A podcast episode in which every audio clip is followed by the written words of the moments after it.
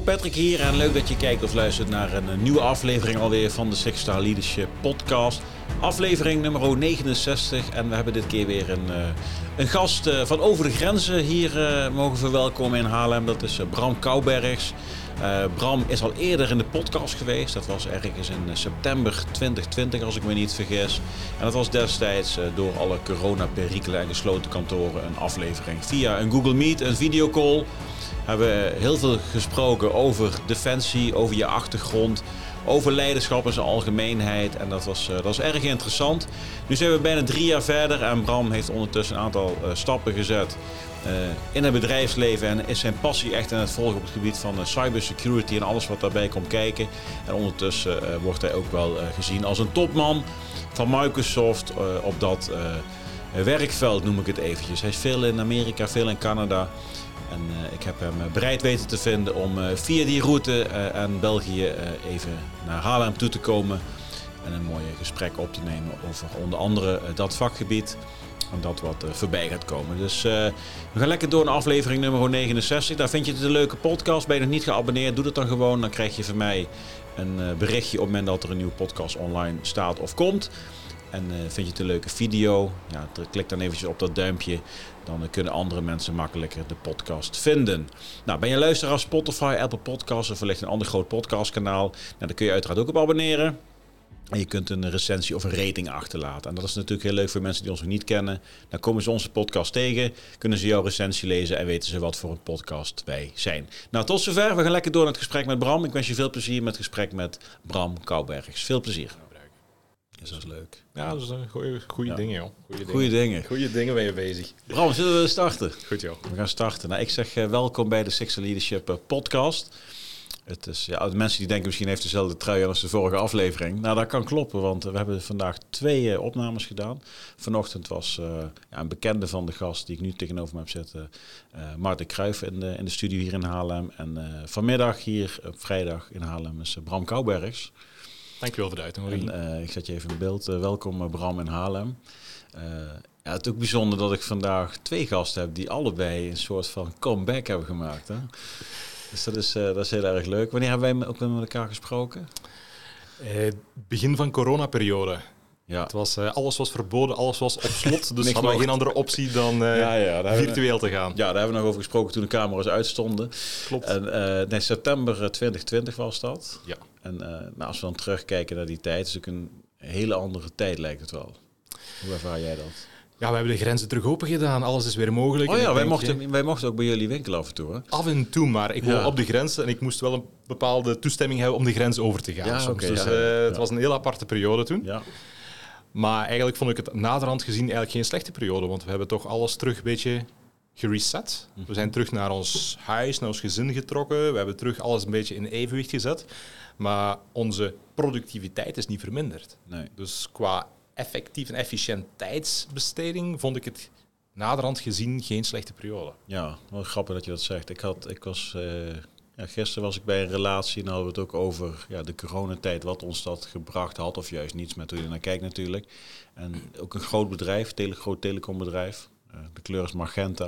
Oh. Dus dan uh, ik, oké. Ja voor, voor degene die luistert, die denkt van, hij heeft het onthouden. Ik zei dus roze, zoals een dooddoener, dat mocht ik niet zeggen, magenta.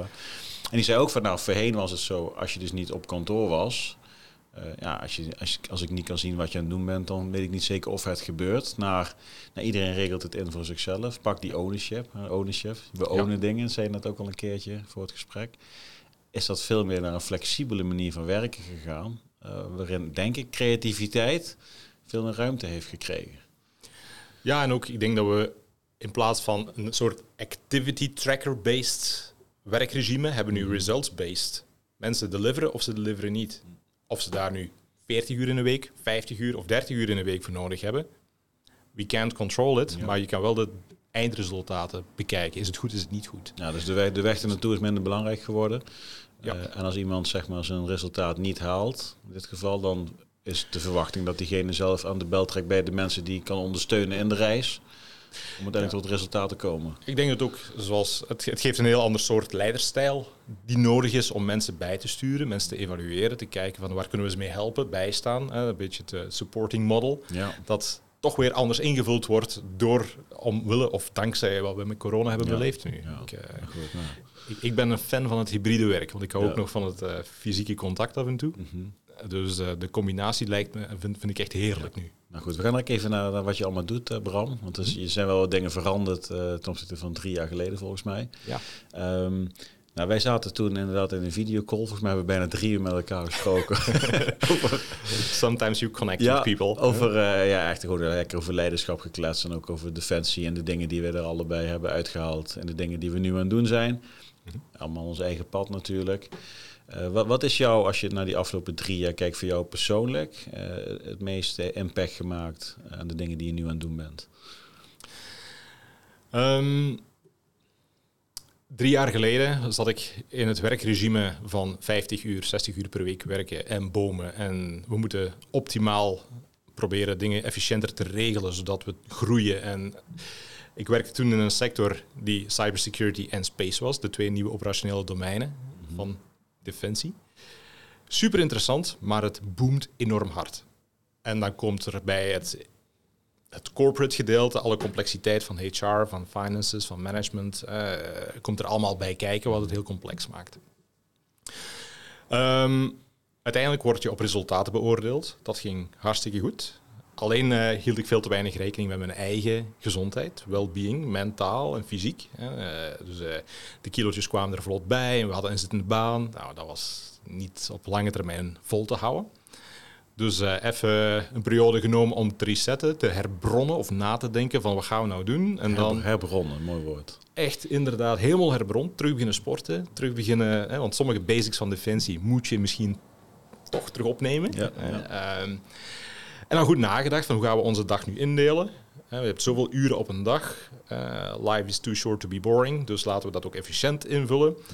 Uh, heb ik voor mezelf bepaalde regels gemaakt. Ik wil s morgens de kinderen naar school kunnen brengen. Punt ben een vader, ik ben dat graag. Um, ik eet s'avonds als ik kan graag mee. Oké, ik heb verplichtingen voor het werk, ik moet tik, tik, tik. En dan maak je een evenwicht van wat gaan we doen. En dan uh, heb ik eigenlijk omgekeerd gaan kijken welke baan past daar goed bij. Dus met de nodige flexibiliteit, maar wel in je ikigai-cirkel. Van uh, waar kan ik iets verdienen, wat wordt er gevraagd en wat doe ik graag. En dan ben ik mij nu bij Microsoft uitgekomen om European leader van defensie en inlichtingen te zijn. En public safety eigenlijk. Ja. En wat heb jij voordat je naar Microsoft ging? Daarvoor zat je bij de REA groep. Zat er nog iets tussen? Nee, ik heb eerst vier jaar bij IBM gewerkt als account executive, dus effectief het account business manager mhm. van uh, eh, IBM voor de NAVO. Nadien drie jaar director, global director bij REA Groep voor cybersecurity en space. Mhm. En dan naar Microsoft om in deze baan uh, te rollen. Oké, dus. Maar eh, Microsoft klinkt bij mij ook wel redelijk corporate. Heel corporate. Ja, veel meer corporate wordt het voor mij niet. Nee, um, als je bepaalde visibiliteit creëert rond jezelf en je eigen brand maakt, uh, spreek ik ook mijn ervaringsdeskundige aan de andere kant, krijg je bepaalde zichtbaarheid, dan ga je bepaalde waarden waarvoor je staat en expertise spreiden. Via podcasts, mhm. maar ook via artikelen, via... en komen er bepaalde bedrijven aanbellen in bepaalde richtingen. En eerst was ik minder geïnteresseerd in de corporate tech-industrie. Want ja, ik heb zelf, oké, ik gebruik Word en Teams en Outlook en that's it, als tools. Alleen zag ik de added value voor Defensie niet echt in de business die Defensie doet. Maar dat is volledig veranderd met onder andere corona. dus Microsoft had Teams en heeft alles voor hybrid working en plots zie je dat dat boomt. En toen was ik aan het kijken van oké, maar welke bedrijven met de nieuwe geopolitieke situatie met China, mhm. met Rusland, met Oekraïne, zijn zich aan het positioneren om weer iets baanbrekend te doen. En dan kwam ik bij Microsoft uit en bij SpaceX en die bedrijven. Ik dacht, god, dat is commerciële technologie die nu, dankzij of omwille van Oekraïne, enorm scaled en boomt. Wat kunnen we daar zoal mee? Welke praktische problemen kan het onmiddellijk oplossen voor iets eh, waar mijn hart bij ligt? En dat is bij defensie en militaire organisaties. En toen kwam Microsoft uh, op de baan. Begon ik eens te kijken van oké, welke business units of uh, commerciële modellen hebben ze, met welke technologie en hoe kunnen we dat toepassen. En dan kwam ik eerst uit bij alles wat cybersecurity was. Oh, uh, Microsoft is het grootste cybersecurity bedrijf ter wereld met een omzet alleen in cybersecurity van 20 miljard dollar.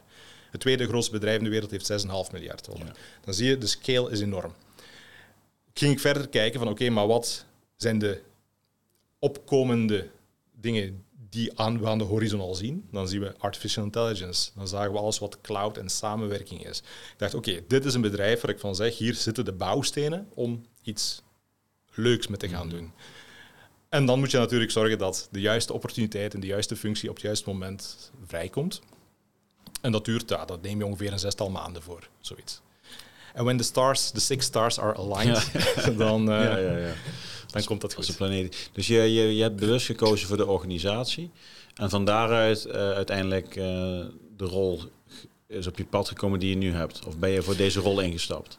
Uh, nee, e-, eerst de organisatie geïdentificeerd, want ik had ook van andere bedrijven aanbiedingen, maar het eerste wat ik altijd check is in hoeverre hebben zij een strategie, een bedrijfsstrategie voor de dingen die ik interessant vind.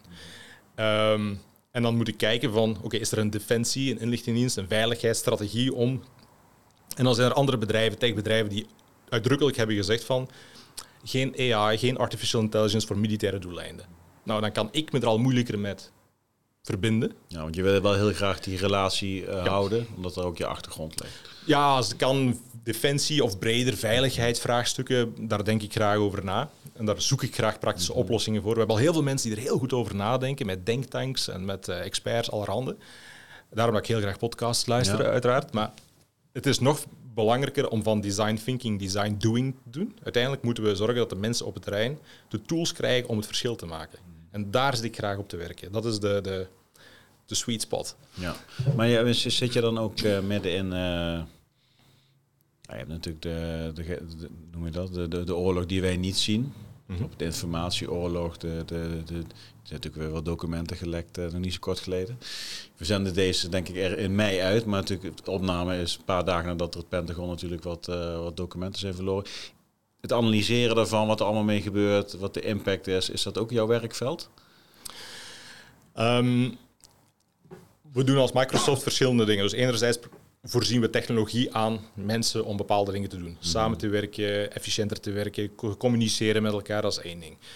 Dan hebben we het tweede deel, dat is alles wat cybersecurity is. Dus we helpen de Oekraïnse strijdkrachten uiteraard met hun cyberdefense, uh, hun security operations centers, hun analyses van wat er met threat intelligence gebeurt.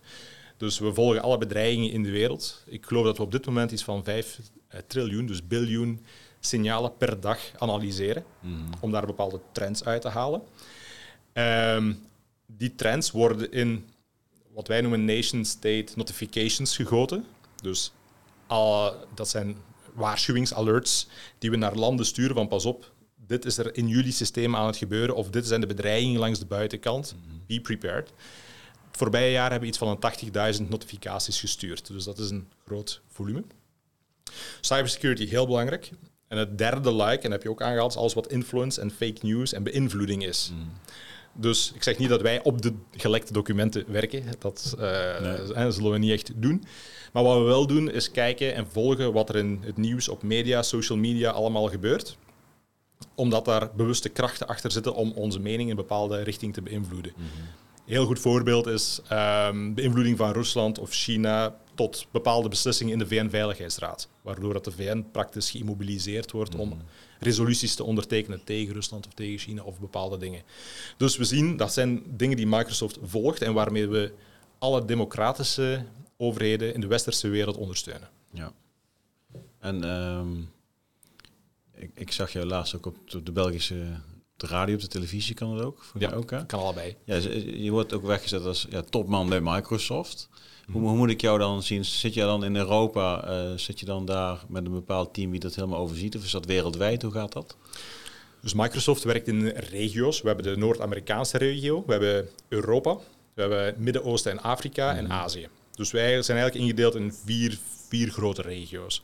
En elke regio heeft een leader in een bepaald industriegedeelte. Mhm. Dus we hebben een commercial leader, we hebben een government leader en ik ben de defensie- en inlichtinglead voor Europa.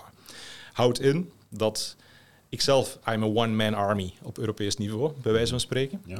Maar ik heb in elk land uiteraard teams zitten die per klant of per business of per onderwerp dieper ingaan op bepaalde dingen. Dus in Nederland zijn er teams die zich bezighouden met Nederlandse defensie, uiteraard. Er zijn teams die zich bezighouden met cybersecurity. En ik coördineer die in Europa om te zorgen dat we bepaalde strategische doeleinden behalen. Mhm. Maar ik zorg er ook voor dat we dicht bij onze klant blijven natuurlijk. Dus ik hou graag het strategisch overzicht. En de mensen die empower ik om zelf hun werk zo goed mogelijk te doen. Anderzijds, met je achtergrond en je ervaring is het soms belangrijk dat je meegaat. Uh, lead by example. Ik, ik, ik, ik, zie, ik zie twee leadership-stijlen in de industrie. Eentje lead by Excel en de andere lead by example. Ik heb liever lead by example. Lead by Google Doc doen ze bij jullie niet, hè? nee, nee, dat doen we niet. Even the name is. nee, nee, ik grap er maar mee. Um, dus ik ga echt mee tot, tot ik ga spreken met de beslissingsnemers bij de defensieorganisaties. Mhm. Want ik ben ervan overtuigd, die mensen moeten bezig zijn met ons veilig houden.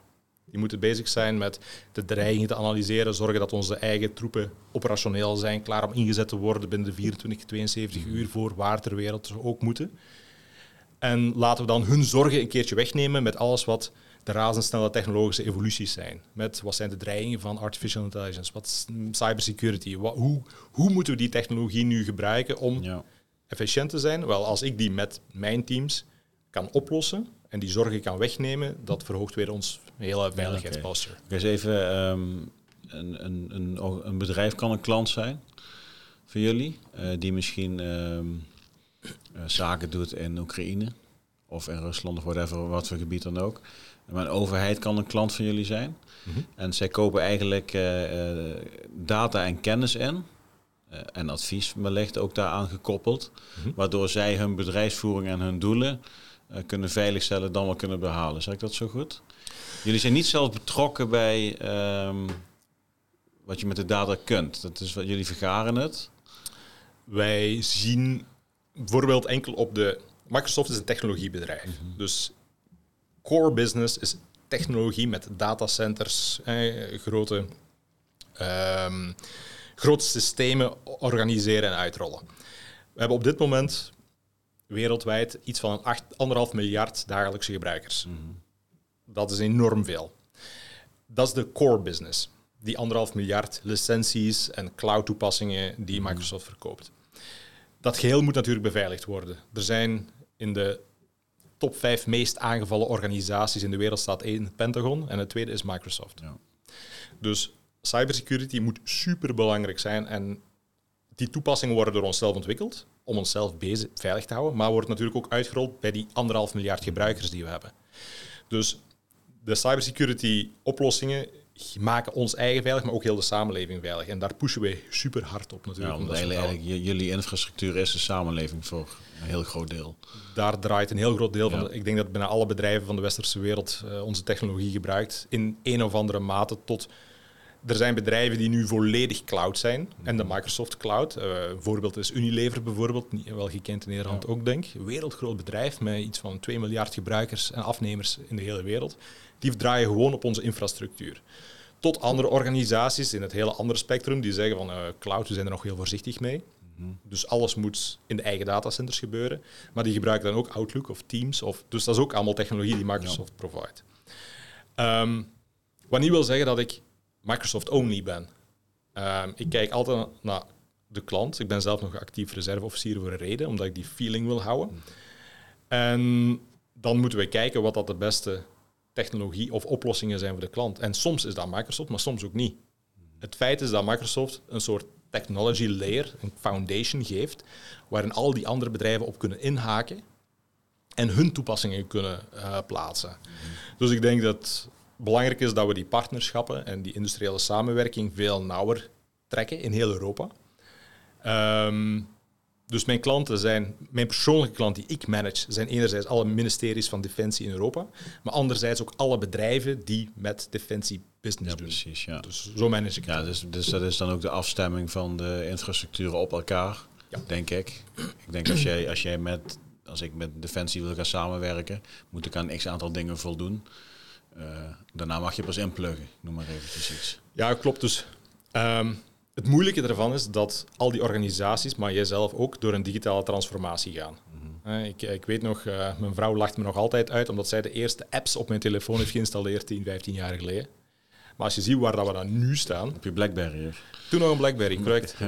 Pingen. Omdat ik een telefoonrekening heb van België naar Nederland van 300 euro per maand.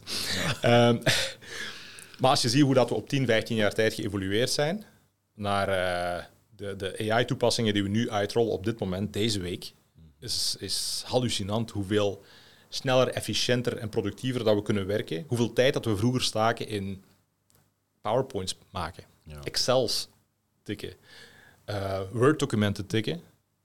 Op al die producten staat nu AI. Die doet dat voor jou. Je geeft gewoon je prompts, je richtlijnen in. Dat maakt dat. De tijd die je daarmee uitspaart, kan je dus vrijmaken om podcasts op te nemen of effectief mm vruchtbare gesprekken te hebben met mensen dat naar de inhoud gaat. Dat je niet moet bezighouden met het administratieve like. Dus dat is nu een revolutie die gaande is. gaat enorm snel. We beleven het dag in dag uit. Ik zie constant nieuwe toepassingen. Alleen, we moeten dat schip dus bijsturen en van dat schip een speedboot maken, bij wijze van spreken. Terwijl we erop zitten, terwijl we missies moeten doen. En we moeten dan zorgen dat de industrie en onze klanten, de defensieorganisaties, mee zijn met heel dat verhaal. Dat is niet eenvoudig. Kunnen wij de snelheid bijhouden? Ik, ik zie dan op een gegeven moment die, die speedboot uh, vol tegen de, de pijlen van de brug aanknallen, omdat we gewoon uh, het, het, op een gegeven moment kunnen we het zelf menselijk niet meer aan. Um, hoe, hoe kijken jullie daar tegenaan? Dat is een, een, een supergoeie vraag en het antwoord is genuanceerd. Ehm, technologische vernieuwing kan je niet tegenhouden. Mhm. Punt. Ja. Uh, dus um, dat, is, dat, is, dat is er al sinds de mensheid. Dat, dat is inherent en doen wij het niet, doet de tegenstander het. Want we zijn constant in een soort competitie. Ook in industrie, de ene bedrijf tegen het andere, het ene land tegen het andere land. Dat kunnen we niet tegenhouden. Maar we moeten dat wel op een gecontroleerde manier doen. Ehm, dus alles wat AI aangaat, ja, ik, ik, ben absoluut voorstander dat daar richtlijnen rond ontstaan. Dat er kaders, wetgevende kaders rond ontstaan. Maar dat kunnen we dan niet doen op een Europees niveau alleen. Want uh, China, India, Brazilië, die doen hun eigen ding. Dus we moeten daar op een of andere manier toch een bepaald akkoord over kunnen sluiten met andere landen, met andere groepen, die misschien een heel ander wereldbeeld en visie hebben dan wij. Um, maar dat lukt op sommige vlakken. Dat lukt in de medische sector bijvoorbeeld. Ontwikkeling van biotechnologie wordt ook gereglementeerd. Mhm. Dit moet ook gereglementeerd worden. Alleen vaak is het juridische kader veel trager dan de technologische ontwikkelingen. Dus dat is iets wat echt moet op gefocust worden. En dat kan alleen maar door de grote technologiebedrijven bepaalde afspraken te laten maken, verplichtingen op te leggen, overheden zich daarin te laten vinden dus dat zijn belangrijke bewegingen die doorgaan, waarin dat wij als eindgebruikers eigenlijk input moeten geven, constant. Dus daarom dat ik heel vaak in Brussel werk, omdat daar alle juridische entiteiten zitten van de NAVO, van de Europese Unie, die zich daarmee bezighouden in die legal bodies, denktanks, om daar bepaalde richtlijnen over te produceren. Ja. Zie, zie je een verandering in, in, in, leiderschap en hoe mensen met elkaar aan het werk gaan? Want kijk, hoe meer uh, de AI het overneemt, hoe minder administratief werk hoeven te doen. Maar goed, het zelf maken van een PowerPoint, even als voorbeeldje. Het is natuurlijk veel complexer, maar het zelf maken van een PowerPoint is een proces. naar de mooie oplossing die je samen aan het maken bent. Mhm. Dat stukje, dat haal je er misschien steeds wat meer uit. Als ik dan even naar het, naar het, uh, het slagveld ga, mhm. eh, daar is juist dat proces om te komen tot, is vaak het goud wat je met als, als team in handen hebt. Hoe, denken jullie daar wel eens over? Praten jullie daar wel eens over hoe je dat uh, met elkaar kunt doen? Um, bij Defensie zei ze altijd, uh, uh, plans are worthless, planning is everything. Ja. dus dat blijft sowieso. Um, uiteindelijk gaan we van het denkproces overschakelen in het executive proces, het uitvoeringsproces. En dat moet wel doordacht gedaan worden. Um,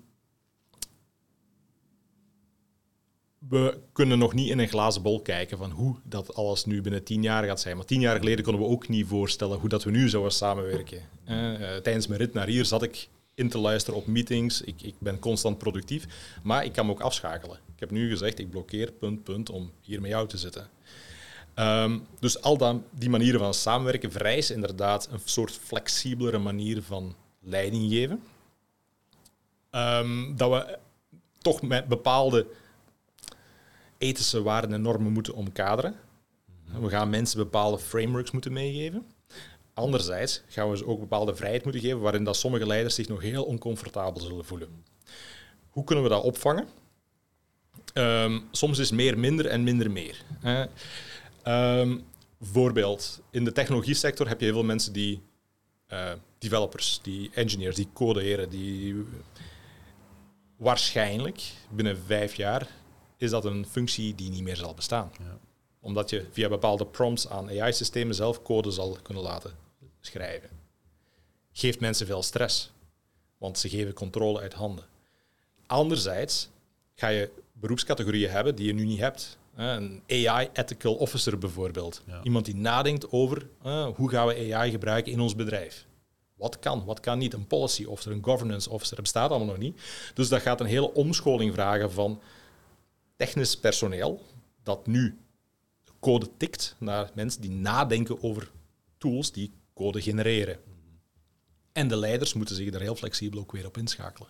Van oké, wat is het eindtool? Aan welk framework hangen we vast? Wat is de technologie en hoe gaan we onze mensen daarvoor motiveren? Ja, en e-, e-, ethiek en geld, dat is vaak een, uh, een, een, balans die gezocht moet worden.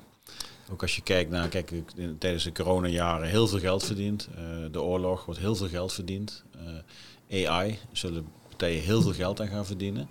Tegelijkertijd willen we natuurlijk met z'n allen ja, op een goede manier met elkaar blijven leven. Uh, hoe, hoe, staat Microsoft erin en wat is jouw rol daarin? Want ik kan me voorstellen dat je misschien door uh, net het ethisch het randje, het lijntje net wat te verleggen, dat je dan misschien wel een verschil kunt maken op een bepaald moment in een bepaald conflict. Ik noem eventjes iets. Hoe staan jullie daarin? Um, business en corporates bestaat om te groeien en groei is door winst te maken. Punt. En met winst ga je innovatie en R&D funden en ga je je aandeelhouders tevreden houden die uiteindelijk hun financiële middelen weer ter beschikking stellen om te kunnen groeien. Mhm. Dat is het ecosysteem, kapitalisme. That's how it works. Um, anderzijds, hoe sta ik daar zelf in, maar ook het bedrijf. Hè? Dus als je 100%, als je een indruk van hebt van een bedrijf of van een persoon en die is voor 100% gevuld, dan is dat 80% perceptie en 20% facts. Die 80% perceptie is hoe gedraagt iemand zich, hoe denkt hij, wat zijn zijn ethische normen en waarden, heel het kader rond. En 20% is factual based. Hoe doet hij het? Maar als je neerkomt op effectieve beoordeling, je mag die 20% niet uh, verbranden of daar iets in misdoen, want dan is je 80% ook kwijt. Dus het is niet dat, die, uh, dat de schaal gelijk is of, of zo uit evenwicht is. Nee. Mhm. Dus als bedrijf, you only can make one mistake one time. En dan is je credibiliteit weg, is je geloofwaardigheid volledig verbrand, haak je je klanten af en gaan ze naar een, tegen, naar een tegenpartij. Mm Punt. Voor Microsoft zijn er twee andere grote bedrijven, dat is AWS en Google. Amazon en Google. Zijn twee andere hyperscale providers. Dus de technologie is vrijwel gelijk als het neerkomt op cloud services. Um, en hyperscale cloud, dus dat is een cloud infrastructuur, maar net weer groter, ruimer, sneller en meer to de toekomst. Um, geen van die drie partijen kan het riskeren om over het randje te gaan als het gaat op AI. Of op andere vlakken. Anderzijds ligt heel veel verantwoordelijkheid bij de eindgebruiker. ik, uh, ik kan perfect een Ferrari kopen die 300 km per uur rijdt, maar ik mag er ook maar 130 na 7 uur en 100 overdag mee rijden in Nederland. Ja. Dus, en dan gaan we ook niet aan bepaalde frameworks of verplichtingen binden. De technologie kan heel veel, maar het zijn de ethische kaders, de wetgevende kaders, die uiteindelijk het gebruik gaan bepalen. Maar de technologie gaat wel verder ontwikkeld worden, want onze tegenstanders doen het ook. En als we willen ervoor zorgen dat we een competitive advantage houden voor ons op het battlefield, op het slagveld, kunnen we het ons niet veroorloven dat, ik neem maar iets, Chinese tegenstanders met bepaalde wapens op het slagveld komen waarvan wij door juridische kaders misschien ze niet mogen inzetten, klopt, maar op zijn minst niet op voorbereid kunnen zijn. Ja. Dat is iets anders. Ja, dus je wil, je wil het wel hebben, maar als het niet gebruikt hoeft te worden, dan, dan doe je het niet. Ja. Uh, je moet je er ook tegen kunnen verdedigen, uiteraard. Ja, ja. ja weet je wat ik op mezelf merk, Bram? Ik zie, ik zie Microsoft als, uh, als een soort, ja, niet als een bedrijf. Misschien merk je het ook hoe ik de vragen stel. Ik zie het als een soort van uh, een van de partijen die onderdeel zijn van het wereldspel. Dat, dat, merk ik aan mezelf. Ik dacht, snap, snap, snap je bedoel? Ja, ik snap heel goed. Dus jij, jij, in één keer zeg je, je hebt ja, de competitor en het gaat, ja, het gaat gewoon over klanten, denk ik dan, weet je wel. Maar ik, ik, zie, ik zie Microsoft zo verweven met alles wat er politiek en militair en allemaal gebeurt, dat die voor mij onderdeel zijn van, het, van alles wat er gebeurt. En ik denk dat we daar dat is gedeeltelijk ook zo. En ik denk dat dat een bepaalde verantwoordelijkheid met zich meebrengt, waarin dat Microsoft zich pas sinds een jaar of anderhalf jaar plots de, het volle gewicht van uh, bewust is geworden. Dus we, eh, Microsoft is al, van, al een hele tijd bezig met het conflict in Oekraïne. Ik, ik ben blij dat jij daar zit, dan komt het goed, hè? snap je. ik doe mijn best. um, dus eerst leverden we technologie aan Oekraïne. We gingen de Oekraïnse cybereenheden trainen, opleiden. we gaven ze threat intelligence, informatie van wat ze moesten doen en hoe ze zich konden voorbereiden. Maar dat gebeurde vrij ja, organiek, eigenlijk van logisch. We groeien gewoon met de klant mee. Tot het conflict in februari vorig jaar begon. En plots werden ook onze systemen aangevallen. Ons eigen hoofdkwartier in Oekraïne is aangevallen, fysiek, met, uh, met missiles. En dan wordt, uh, komt het allemaal wel echt heel dichtbij. En dan zien we dat die dreiging zich uitbreidt naar de NAVO-landen. We zien cyberincidenten die echt wel stevige impact kunnen hebben in de rest van de wereld. En dan heb je als bedrijf een soort ethical responsibility die je moet opnemen. Van oké, wat gaan we nou doen? En dan heeft uh, de board bij Microsoft duidelijk een beslissing genomen. Oké, uh, we are in the game. Punt. Of we het nu willen of niet.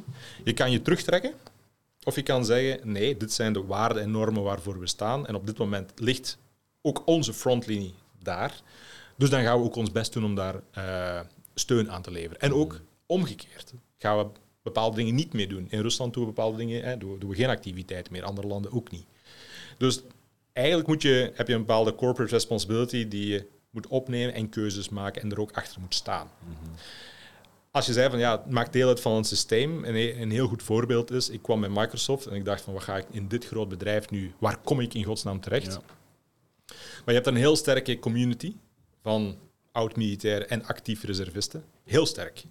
En die zitten in alle landen, die zitten in alle business units. En we houden ook informeel en ook formeel contact met elkaar. Wie is waar met wat bezig en hoe kunnen we elkaar helpen? Uh, de meest gekke vragen worden aan ons gesteld, maar we zoeken er altijd oplossingen voor of antwoorden. En dat gaat heel diep in wat we doen.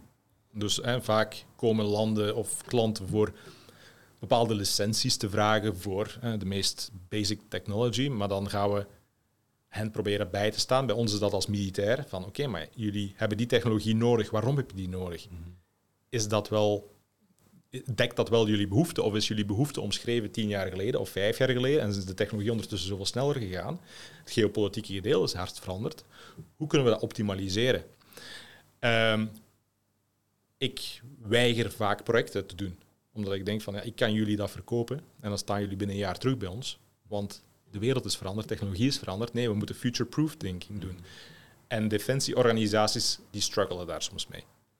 Omdat de mensen die de requirements, de vereisten, de behoeftes bepalen, gaan uit van hoe dat zij de situatie en de technologie en de wereld rondom nu bekijken.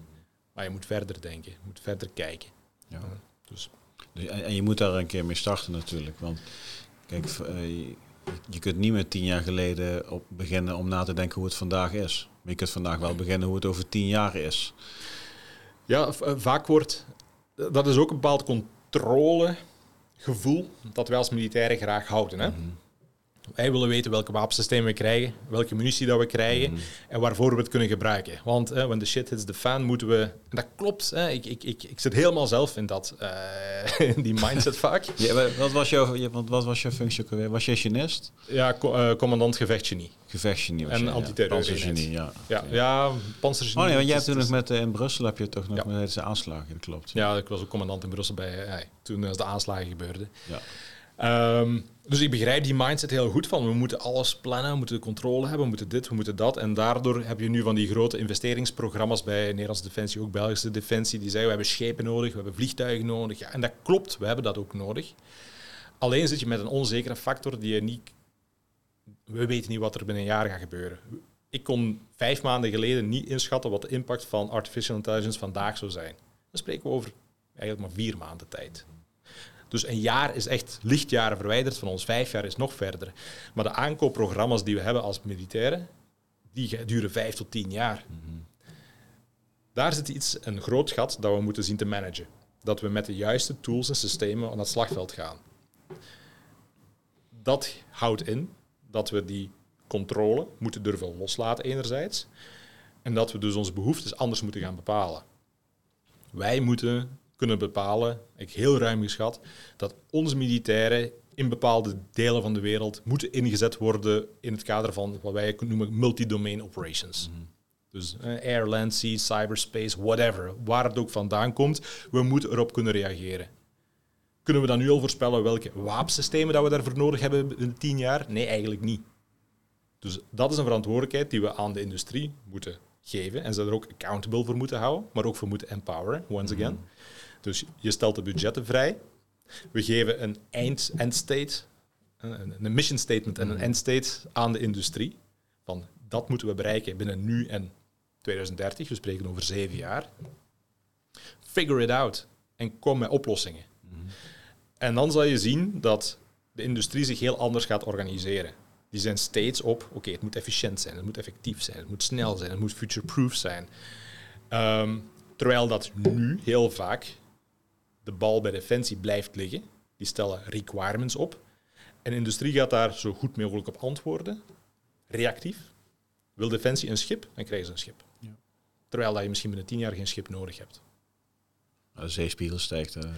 Of, misschien, of, of, misschien andersom, twee schepen nodig nee, hebt. Nee, maar, maar, maar, maar, als het dan 2030 is, Bram, dan begint het spel weer opnieuw. Dus je zegt eigenlijk van, uh, de, de, de staat, ontstaat een soort van hybride samenwerking tussen industrie en uh, eigenlijk het doel van een defensieapparaat. Een overheidsapparaat, dat is een bepaald land, een bepaald werelddeel, whatever uh, moet zich op een bepaalde manier ja, kunnen veiligstellen, noem ik het eventjes. Soms is dat verdedigen, soms is dat proactief, soms moet je misschien even rustig blijven. Mhm. Maar dat dan een industrie steeds met ontwikkelingen komt die aansluiten op de beweging die er in de wereld zijn.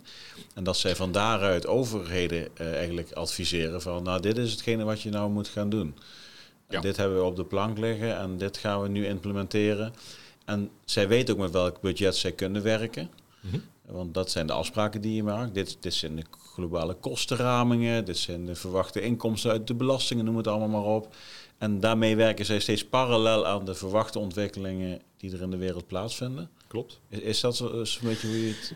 Dat is wel een beetje hoe dat ik het zie. En ik denk ook dat het die kant op gaat. Mhm. Ehm, maar dan moet een soort trusted relation tussen industrie en overheid ontstaan. En industrie kijkt veel verder dan, kijkt enerzijds veel korter, maar anderzijds veel verder dan een politieke cyclus van vier, vijf jaar. En dus uh, heel concreet willen we nu omwille van de crisis in Oekraïne munitiebedrijven oprichten in Nederland. Mhm. That's a challenge. Bedrijven kunnen dat perfect, kunnen volgende week beginnen bouwen en dan heb je binnen zoveel maanden een fabriek, een productiefacility. Alleen, er is geen commitment. Wat met die productie na een jaar, na vijf jaar, na tien jaar, het kost enorm veel om dat te bouwen. Maar dan moet er van de overheid ook een commitment terugkomen van dat het gaat renderen ooit. Dus dat kan alleen maar door nauwere samenwerking. Ehm, en nu hebben we het enkel over de industrie en de militaire hardpower, mm. dus de capabilities, de bommen en de granaten. Ik zei altijd, het volgende conflict, of het huidige, conflict, is niet enkel bombs, het is bombs, bits en bytes. Ja. dus het volledige verhaal. Maar het zijn wel meer bommen als verwacht.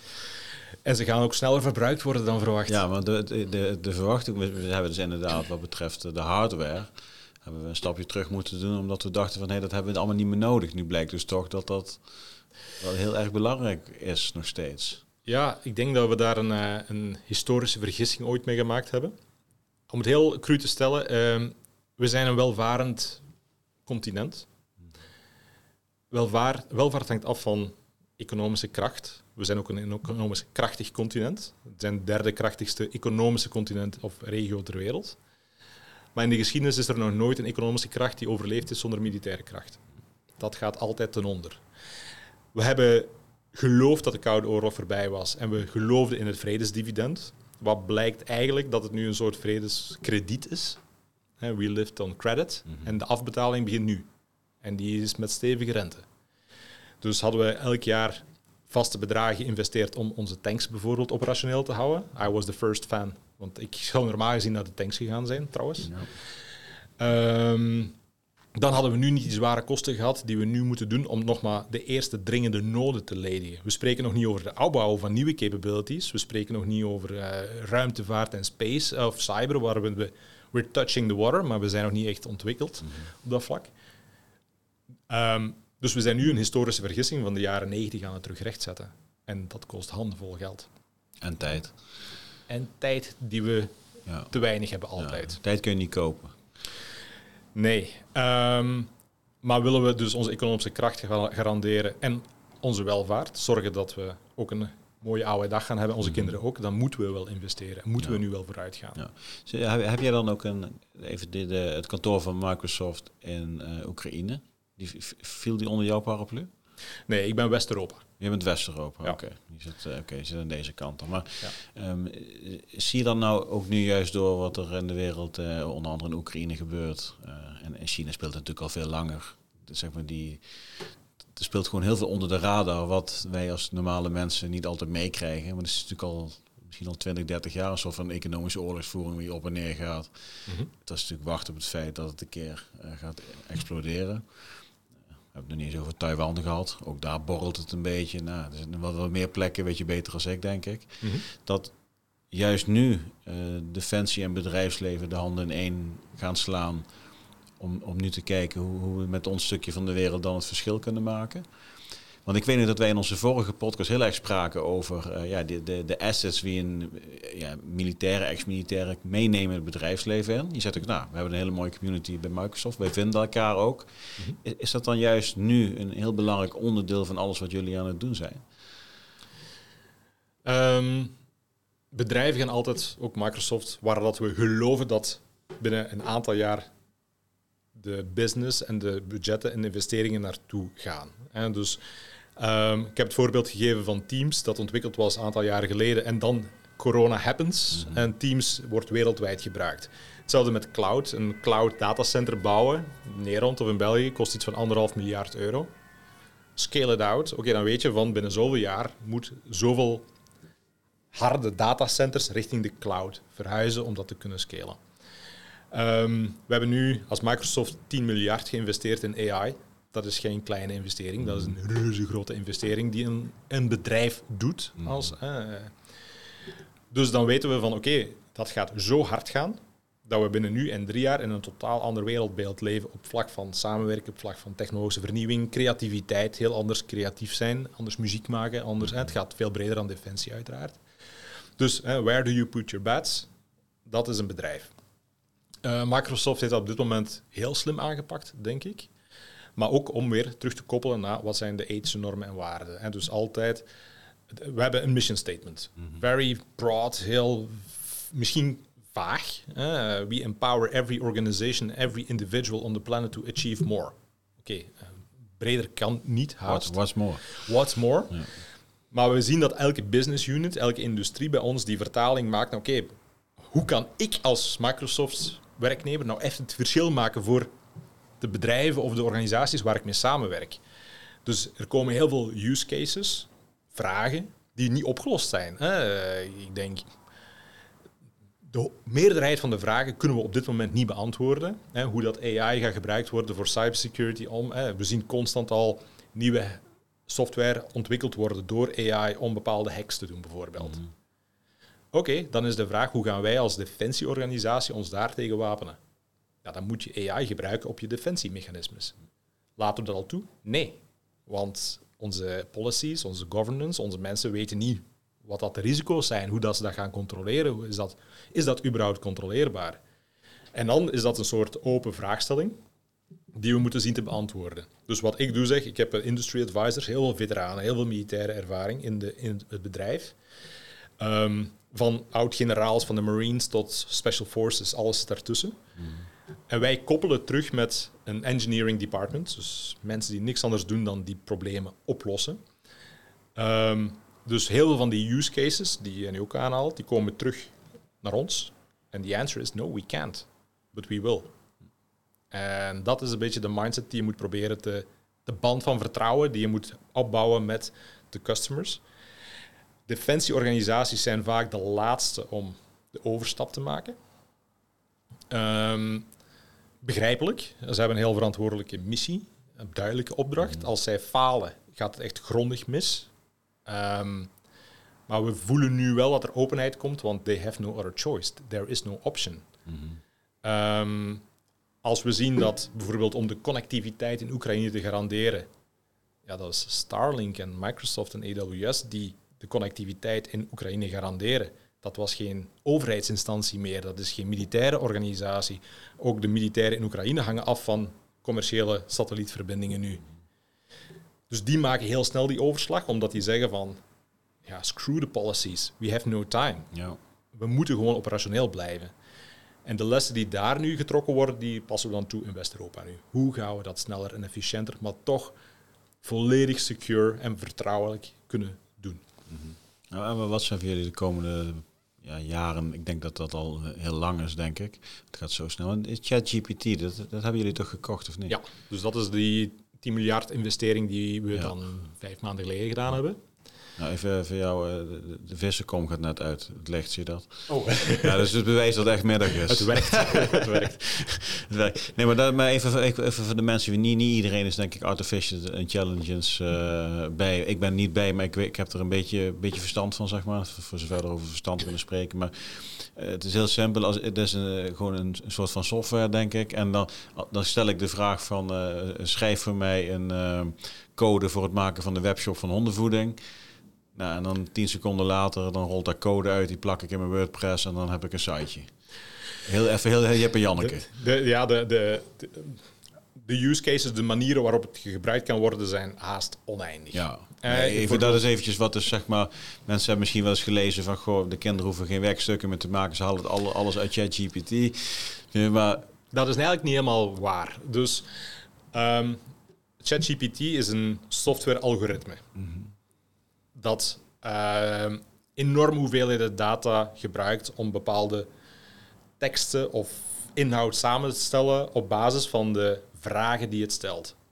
Dus het veel uh, bijvoorbeeld leerkrachten hebben zich, maken zich zorgen over ja, het vervangt het werk van. Nee, nee, nee, nee, nee. Wij zien ChatGPT als een soort. Wij noemen het ook een co-pilot. Het zit bij jou naast in de driver's seat. Het zit naast jou wanneer jij in de driver's seat zit. En zal je helpen te ondersteunen om bepaalde dingen sneller en efficiënter te doen. Mhm. Maar alles is wel afhankelijk van de prompts, dus de vragen die het stelt. Ehm, dus geef jij foute vragen, krijg jij foute antwoorden.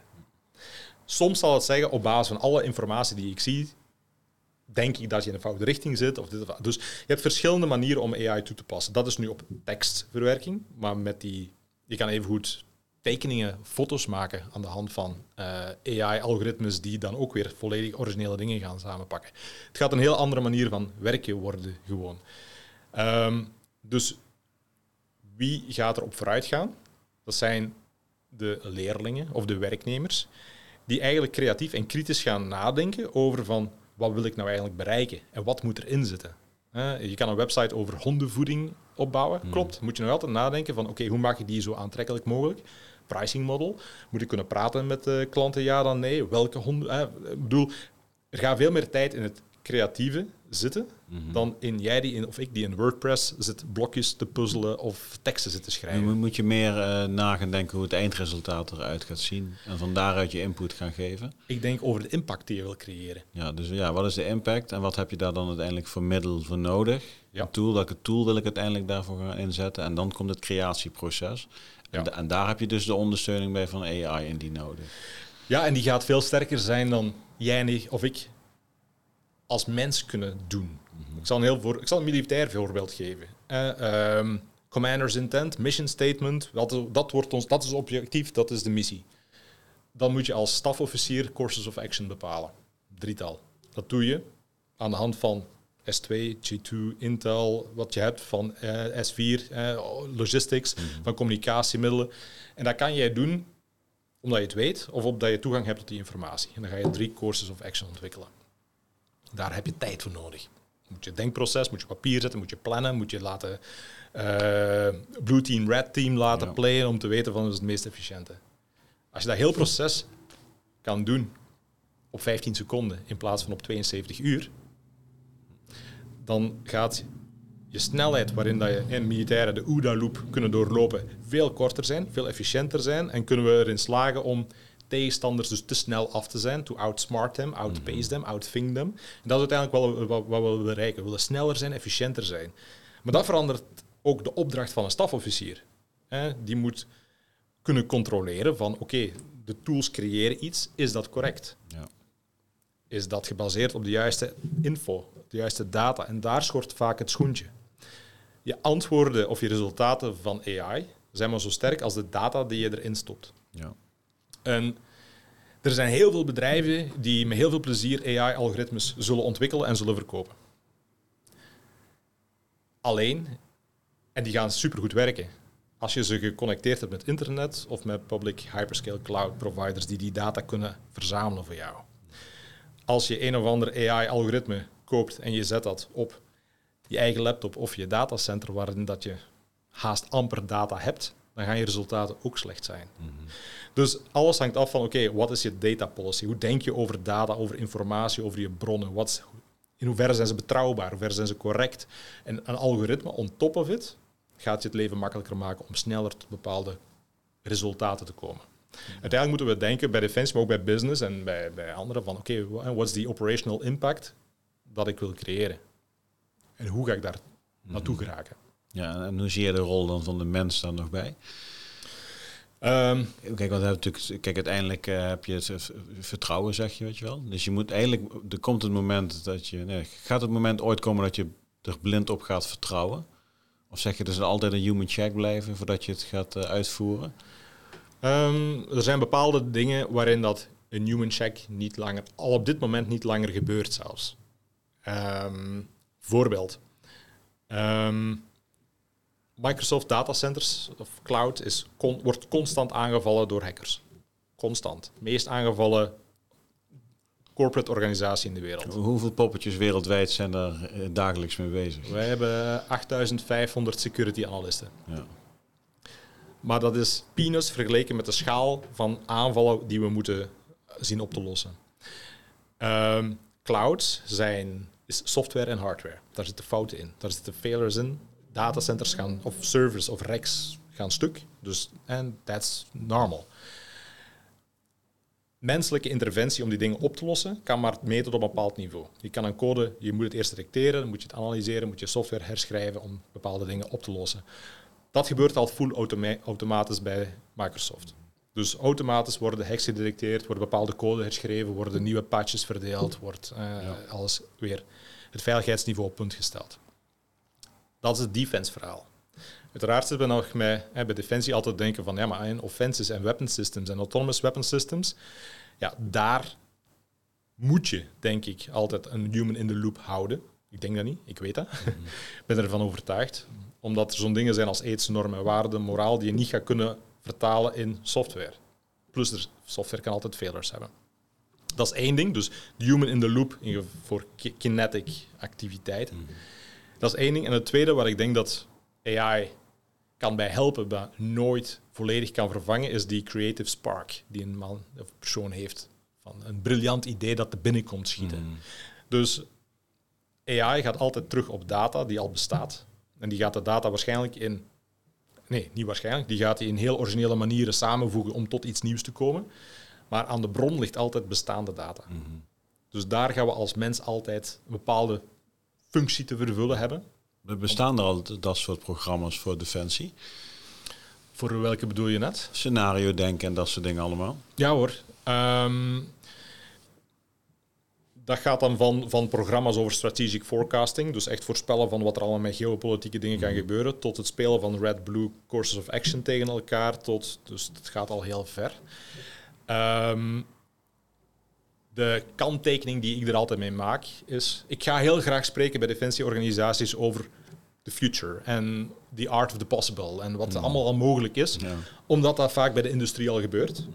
Bijvoorbeeld ontwikkeling van medicijnen of, of andere dingen, dat, dat gebeurt al heel, heel vergaand. Cybersecurity bijvoorbeeld. Alleen zeg ik tegen defensieorganisaties vaak van, oké, but first the foundational fixes. Uh, Waar zit je informatie, je data? Weet je hoe dat gemanaged wordt? Wat zijn je datamodellen? Wie zit daarop? Kan je bepaalde conclusies trekken? Dus als je niet eerst die onderliggende bouwstenen fixt, dan is het, ik zeg niet waste of money, maar voornamelijk waste of time om je nu al bezig te houden met helemaal disruptive dingen, terwijl dat je niet foundational eerst... Bijvoorbeeld, als Belgische en Nederlandse eenheden met elkaar moeten communiceren, zitten we nog altijd met de corporaal van de sectie of de squad met zijn radio, met twee radio's met elkaar te praten. Hè? Ja. Dus zolang dat we niet het secure data exchange verhaal op orde hebben, moet je niet praten over samen course of action ontwikkelen door middel van AI om bepaalde... Nee, laten we eerst zorgen dat we met elkaar kunnen praten. Ja, ja. ja als je inderdaad de, de, de operationele werkelijkheid ziet en alles wat we, wat we nu aan het bespreken zijn, mm daar zit nog een aardige kloof tussen. Uh, ja, dat is, het dat is, dat is natuurlijk gigantisch. Ja, en, en ik, ik, ik, ik ben zelf in 2007 in geweest. We hadden toen nog geen drones, Bram. Mm Dat was toen nog niet. Dus wij gingen letterlijk patrouilles lopen totdat we tegen de vijand aanliepen. En dan gingen we onze dingen doen. Een jaartje later ging er een drone de lucht in met een cameraatje. En dan was er even situational awareness, kijken of de dingen veranderd waren. Of die boer nog steeds boer was en niet ondertussen sluipschutter was. En dan ging op een hele andere manier natuurlijk het gebied in. Dus er worden wel stappen gemaakt. Maar puntje bij paaltje is inderdaad nog steeds van... kijk even of het lijntje goed ligt, want hij kraakt nog steeds zoveel. ja, ik denk dat je met, eh, met Oké, met, die, met de oorlog in Oekraïne hebben we natuurlijk een revolutie op dat vlak nu. Hè. Ja. Uh, we spraken vroeger al over swarms en drone swarms. Mm. Dat is geen toekomstmuziek meer. Dat gebeurt nu vandaag al. Even dus... een complotje. Complotje, dat mag wel. Hè? Tuurlijk. Is, is er... Kijk, er zijn natuurlijk dan... Ik had er met Mart over. Ik zei van Maarten Kruijf dan. Ja, je kent hem. Um, ik zei, kijk, geld en industrie uh, heeft er ook soms wel belang bij dat iets langer duurt. Ik zei, je zult maar net uh, tankenbouwer zijn. Hè? En dan krijg je een opdracht voor 100 tanks te bouwen. Dan moet je nu een fabriek maken. En dan, ja, dat niet bedoeling dat die oorlog over een jaar is afgelopen. En die mensen zitten ook in de lobby in de politiek, vice versa, weet je wel. Dat is natuurlijk ook met dit het verhaal. Dus, dus een, een, een speeltuin, noem ik het eventjes, heel onherbiedig bedoel ik niet zo natuurlijk. Uh, is vaak, een oorlog is ook, ook, ook vaak een, een, ja, een boost voor de ontwikkeling van, van in dit geval techbedrijven. Hoe, hoe gaat dat voor jullie? Want ik kan me voorstellen dat je er soms ook een beetje ongemakkelijk bij kunt voelen dan. hoe zie je dat? Ja, wij hebben er ook over nagedacht. Hè. Dus oorlog is big business. Altijd al geweest. Altijd al geweest. Of het nu van Afghanistan tot Irak tot nu Oekraïne is. Ja, ik denk zelfs in de Eerste en Tweede Wereldoorlog dat daar al partijen waren die daar... Uh... Um, dus, dus dat ontkennen is, ja, dat is gewoon niet eerlijk tegenover jezelf. Mm -hmm. tuurlijk, met het wat wij noemen het vredesdividend van de, jaren, de laatste 20, 30 jaar, heeft de Europese industrie, defensieindustrie zich volledig afgeschaald en overgeschakeld op commerciële eh, middelen. Uh, van, uh, van, van tankproducenten naar tractorproducenten, bij wijze van spreken, voor zolang dat de landbouw nog mag blijven duren. Ja, en ik moet even, even, jij schrijft al jaren over uh, de Belgische defensie en de staat ervan. Mm -hmm. dus, dus even tussendoor dan, het heeft niks met de oorlog te maken. Je bent er altijd al mee bezig met dat onderwerp van, goh, onze defensie uh, moet meer in geïnvesteerd worden, mag meer uh, naar de mensen toe, de soldaten, de materiële allemaal. Dus ja. dat is echt iets wat jij, wat je aan het hart gaat. Ik vind het... Uh, de, ze stellen me vraag, vaak de vraag, moeten we meer investeren in defensie? En dat proberen ze dan een beetje provocatief te stellen omdat ze vinden van investeren in defensie, it's a waste of money. Een miljard voor een fregat, the we kunnen er zoveel andere dingen mee doen. Um, ik stel het vaak andersom. Ik denk dat je daar ook wel even iets bij kan voorstellen. Ik vind dat we als een van de welvarendste landen ter wereld een morele verplichting hebben. Om, als we onze militairen verplichten om naar oorlogsgebied te gaan, ze dan uitrusten met voldoende en ook het best mogelijke materiaal dat er op de markt beschikbaar is ik was geschokt op sommige momenten dat wij tijdens de terreuraanslagen de straat op moeten met geleende Amerikaanse scherfvesten, omdat België die allemaal van de hand had gedaan en die nieuw had ingeschakeld. Hoe moeten wij in godsnaam ons job efficiënt en veilig kunnen uitvoeren? Het gaat over onze eigen veiligheid. Het gaat over de veiligheid van uh, collateral damage en omstaanders. En het gaat over succesvol uitvoeren van de missie. En als wij door de samenleving verplicht worden want we hebben geen keuze, we mogen niet weigeren, om dat, die brandhaarden in te gaan, dan moeten we daar ook toe uitgerust zijn. Daarom dat ik daar heel hard voor opkom. En daarom dat ik bijvoorbeeld ook opkom om bepaalde dingen die wij als normaal beschouwen in vraag te stellen. Je hebt bijvoorbeeld uh, aanbestedingsprocedures om materiaal te kopen. En de beslissing is altijd het commerciële uh, principe lowest price technical compliant. Dus het moet volgens de technische standaarden net voldoende zijn aan de laagste prijs. Ja. Wat dus uitmondt in materiaal dat net voldoende is om net over de brug te kunnen. Wat wil zeggen dat het vaak niet proof of eh, weatherproof of eh, environment proof is in Afghanistan of Irak of de omstandigheden waarin we worden blootgesteld. Het houdt het niet lang vol. Er zit geen innovatie in. Ehm, en het wordt uitbesteed aan bedrijven die misschien binnen drie jaar uit de markt zijn. That doesn't work. Dat, dat werkt in een, in een commerciële eh, omgeving perfect. Als je bedrijven tegen elkaar moet uitspelen om een nieuwe auto te kopen. Maar dat werkt niet voor militairen die over the edge geduwd moeten worden om bepaalde opdrachten uit te voeren. Dus ja, um, we moeten dat.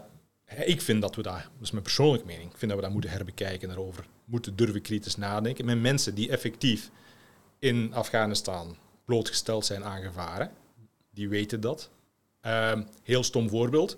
Je kan uh, tien verschillende batterijmerken met elkaar vergelijken en ze zijn allemaal technical compliant. Maar als je de lowest price neemt vanuit een Chinese producent, dan weet je dat je met je nachtkijker in Afghanistan na 10 minuten in het donker staat. Ja, we, kennen of, we kennen allemaal dit soort voorbeelden. Of met je ontmijningapparatuur uh, in het midden van een mijnenveld staat zonder batterij. Dat is voor mij mijn persoonlijke drive om te zeggen van oké, die mensen op terrein, ik geloof zelfs dat op termijn goedkoper is als we bepaalde dingen zelf produceren of zelf op andere criteria toewijzen aan bepaalde bedrijven. Ehm, omdat we die morele verplichting hebben om dat te doen. Anderzijds stelde je er straks een kritische vraag van, war is big business. Dat klopt ook. Ehm, maar heel veel van dat geld gaat terug enerzijds geïnvesteerd worden in de landen zelf. Voor de oprichting van nieuwe bedrijven, voor ontwikkelingen. Vroeger gebeurde innovatie door de wapen- of defensieindustrie, nu is het andersom. Uh, het gebeurt in techbedrijven en dat wordt nadien overgenomen. Dus het is een innovation drive. Eh, die ook gebeurt. En dan wil ik nog één ding toevoegen, als laatste. Mhm. Want we hebben daar heel ernstig over nagedacht met het Microsoft Leadership. Um, we hebben bewust de keuze gemaakt om Oekraïne niet als businessmodel te gebruiken. Integendeel, alles wat we voor Oekraïne doen gebeurt gratis. Integendeel, we hebben ondertussen bijna iets meer dan 500 miljoen geïnvesteerd of gedoneerd aan Oekraïne voor technische oplossingen, voor services, mensen die bepaalde dingen gaan doen om hun infrastructuur veilig te houden. De lessons learned die we daaruit halen, uiteraard worden die nadien gebruikt in andere technologieën, maar de oorlog zelf als businessmodel, dat doen we niet. Nee. nee. Long story short. Netjes. netjes. ja, nee, maar ja, dat is natuurlijk uh, hartstikke goed dat jullie dat doen. Kijk, en kijk, je had het over een schip van 1 miljard. Dat is uh, een heel extreem, maar het begint al met goede schoentjes. Even dus voor de mensen thuis. ik, toen wij naar Afghanistan gingen, uh, ja, ik heb zelf mijn schoentjes gekocht. Omdat we gewoon de, de standaard kisten met dat weer, dat was het hem ook niet, weet je wel. Kijk, en, ik, en uh, wat, je, wat je ook van de oorlog vindt, ik moet zeggen, ik ben zelf daarin echt heel erg gematigd geworden, Bram. Ik, ben echt, ik probeer altijd te kijken van, goh, hoe kunnen we zorgen dat er geen oorlog is? hoe kunnen we kijken dat we vandaag nog stoppen in plaats van de vijand als de boze man te zien. Kijken hoe we hem kapot kunnen maken. Even heel, heel zwart-wit. Dus probeer daar zelf wat genuanceerder aan te kijken. Uh, vind ik zelf heel prettig. En dat geeft ook wel andere inzichten. En als je als land kiest om uh, mee te doen, wat we dan met z'n allen besluiten, want we zijn democratisch allemaal. Nou, als de verkiezingen komen en gooit roer om, zien we dan wat er gebeurt. Maar als we, dan vind ik ook inderdaad, dan moet je ook het maximale uh, geven aan middelen. Zeker voor de, ja, de jonge meisje, mogen we het in Nederland niet meer zeggen, jonge meisje. De, iemand. De, de, iemand, de iemand, de mens die gestuurd wordt. Want ja. uh, die is dan eigenlijk ook gewoon zijn vak aan het uitoefenen met een bepaalde uh, bedoeling om daar ook het beste van te maken.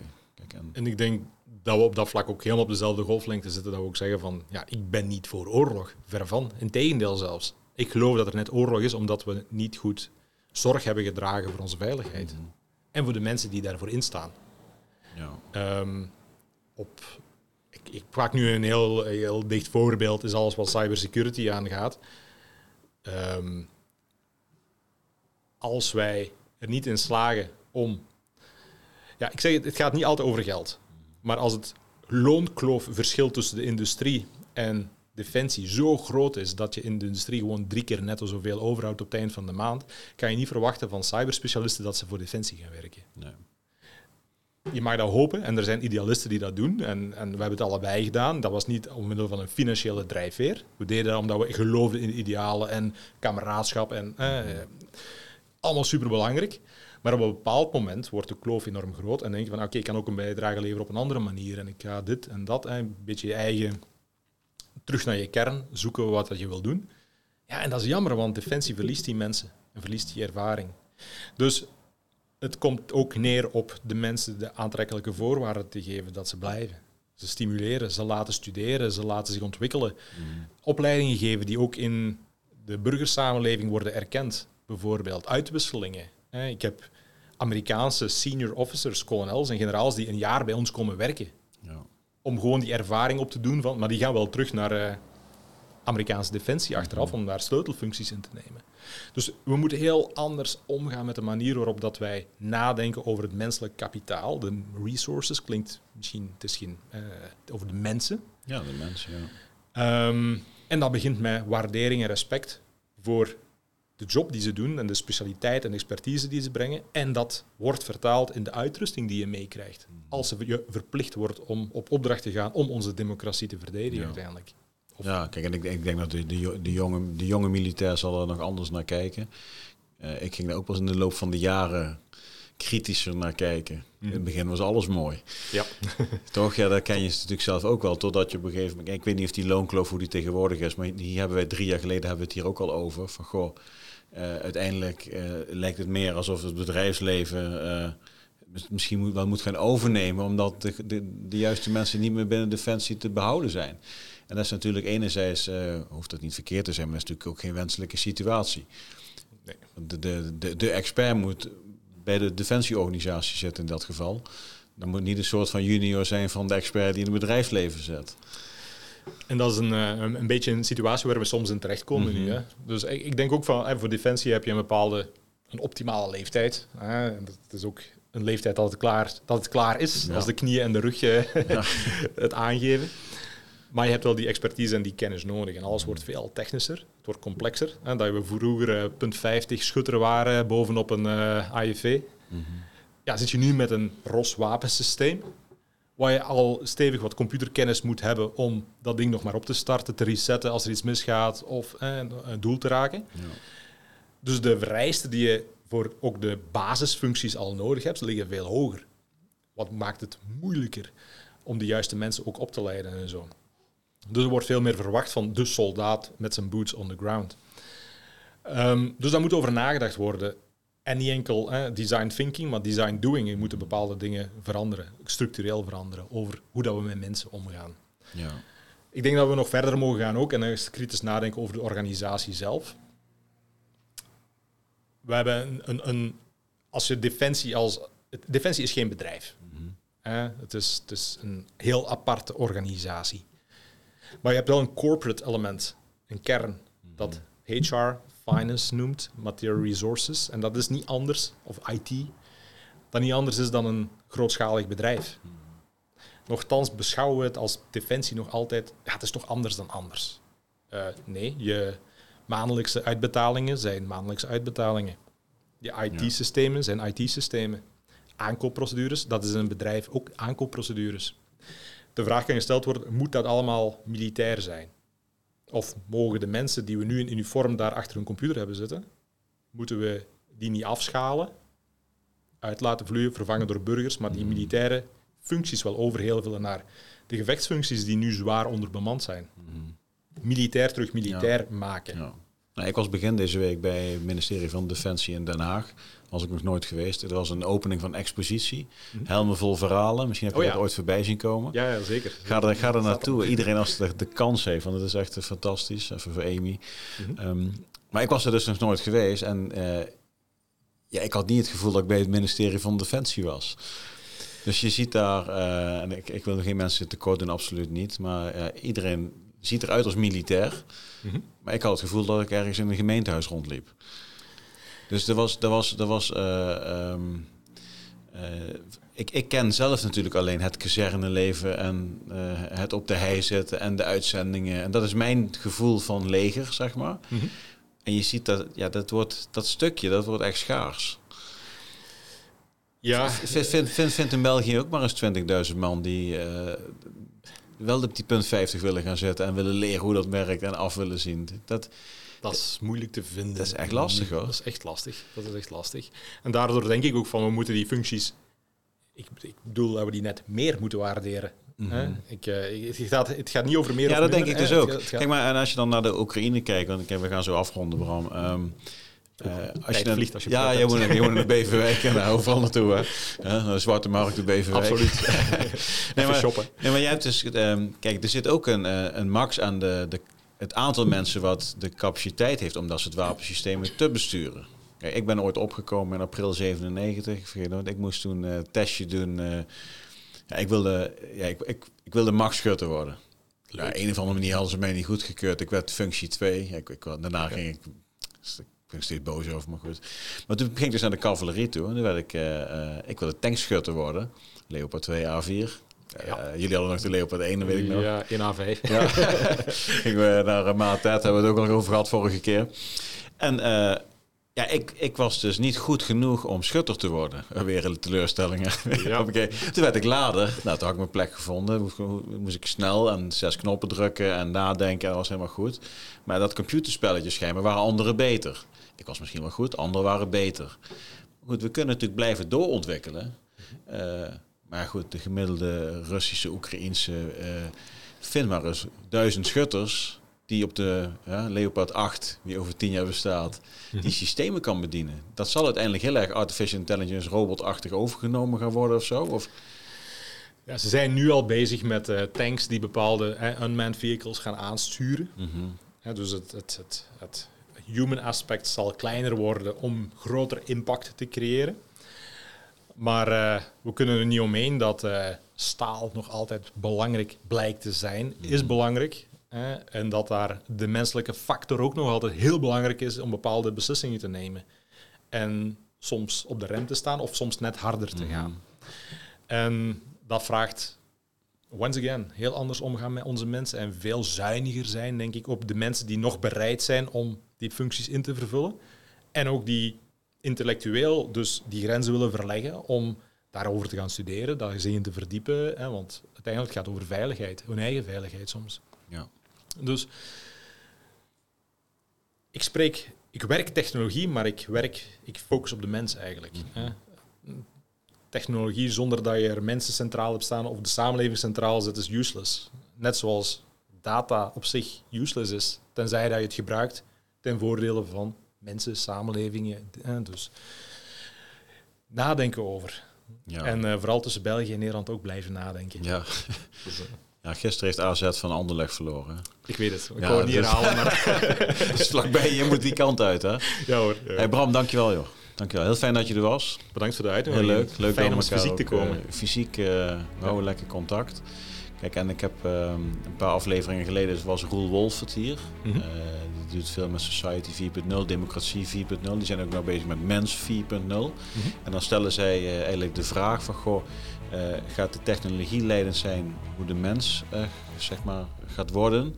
Of is de lens leidend en, leidend en gaat de technologie volgen? Dat zijn, dat, dat zijn denk ik heel erg ook de vraagstukken die, uh, ja, hoe gaan we om met dit soort materie allemaal?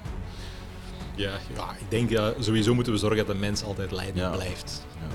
Ja. Um, de vraag is, hoe gaan we dat efficiënt en effectief doen? Um, maar dat gaat, ja, gaat over biotech tot uh, artificial intelligence, dat gaat over zoveel brede dingen.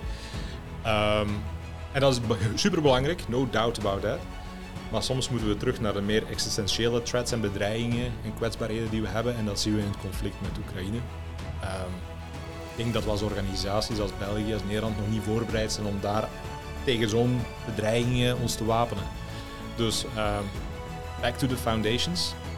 Um, hoe lossen we nu vandaag bepaalde problemen op om te zorgen dat we binnen vijf jaar of binnen tien jaar gewapend zijn voor uh, wat, er, wat er hopelijk, waar we voor zorgen, gaan zorgen dat er niet aankomt. Ja, hopelijk nooit gaat komen. Hopelijk nooit gaat komen. Dankjewel Bram. Met plezier. En dan komt het gesprek met Bram Kouwbergs alweer ten einde. Ik wil Bram bedanken voor zijn komst helemaal naar, naar Haarlem vanuit België en waar je ook vaak ter wereld bent. Heel erg leuk. Interessant hoe je praat over jouw vakgebied en alles wat er eigenlijk in de wereld aan de hand is waar we misschien soms wel heel weinig weet van hebben. En dat is misschien maar goed ook. Ik wil jou bedanken als kijker, ik wil jou bedanken als luisteraar en ik hoop jou weer de volgende keer te kunnen verwelkomen. Abonneer nog even op het kanaal, like eventueel deze video en dan zeg ik zoals altijd Patrick hier. Einde bericht.